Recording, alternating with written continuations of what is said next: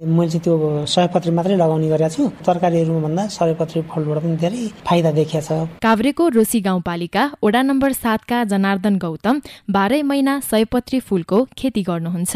तिहारको बेला उत्पादन भएको फूल बजारमा पुर्याउन उहाँलाई भ्याइ नभ्याइ हुन्छ। बनेपा नगरपालिका वडा नम्बर दस जनागालमा पुष्प खेती गर्दै आउनुभएका सुषमा बस्नेत पनि खेतीमै व्यस्त हुनुहुन्छ। सात वर्ष जस्तो आफूले गर्यो। अनि के कति हुँदो रहेछ कसो हुँदो रहेछ भन्ने कुरा सबै आफूले बुझ्दै गयो नि त। गएपछि अब यसमा लाग्यो भने चाहिँ अब आमदानी आउने रहेछ। हामीले के गर्न सकिन्छ कि भनेर चाहिँ अनि यही गर्न लागेको। काभ्रे विशेष गरी कटफ्लावरले चिनिन्छ। कार्नेसन जर्बेरा लिमोनियम गुलाफ जिप्सफिल्ला सयपत्री गोदावरी लगायतका फूल किसानले उत्पादन गरिरहेका छन्। पुष्प व्यवसाय संघ काभ्रेका अनुसार हाल व्यक्तिगत र व्यावसायिक गरी साना ठूला तीसवटा भन्दा बढी फार्महरूमा फूल खेती हुन्छ। पुष्प व्यवसायी संघ काभ्रेका अध्यक्ष वीरेन्द्र श्रेष्ठ। हामीले उत्पादन गरेको काठमाडौँ गइरहेछ।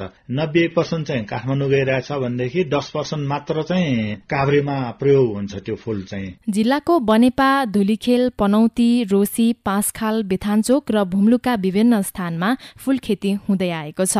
पुष्प खेती प्रवर्धनका लागि कृषि ज्ञान केन्द्र काभ्रेले बनाएको योजनाबारे बताउनुहुँदै कार्यालय प्रमुख जनार्दन खड्का।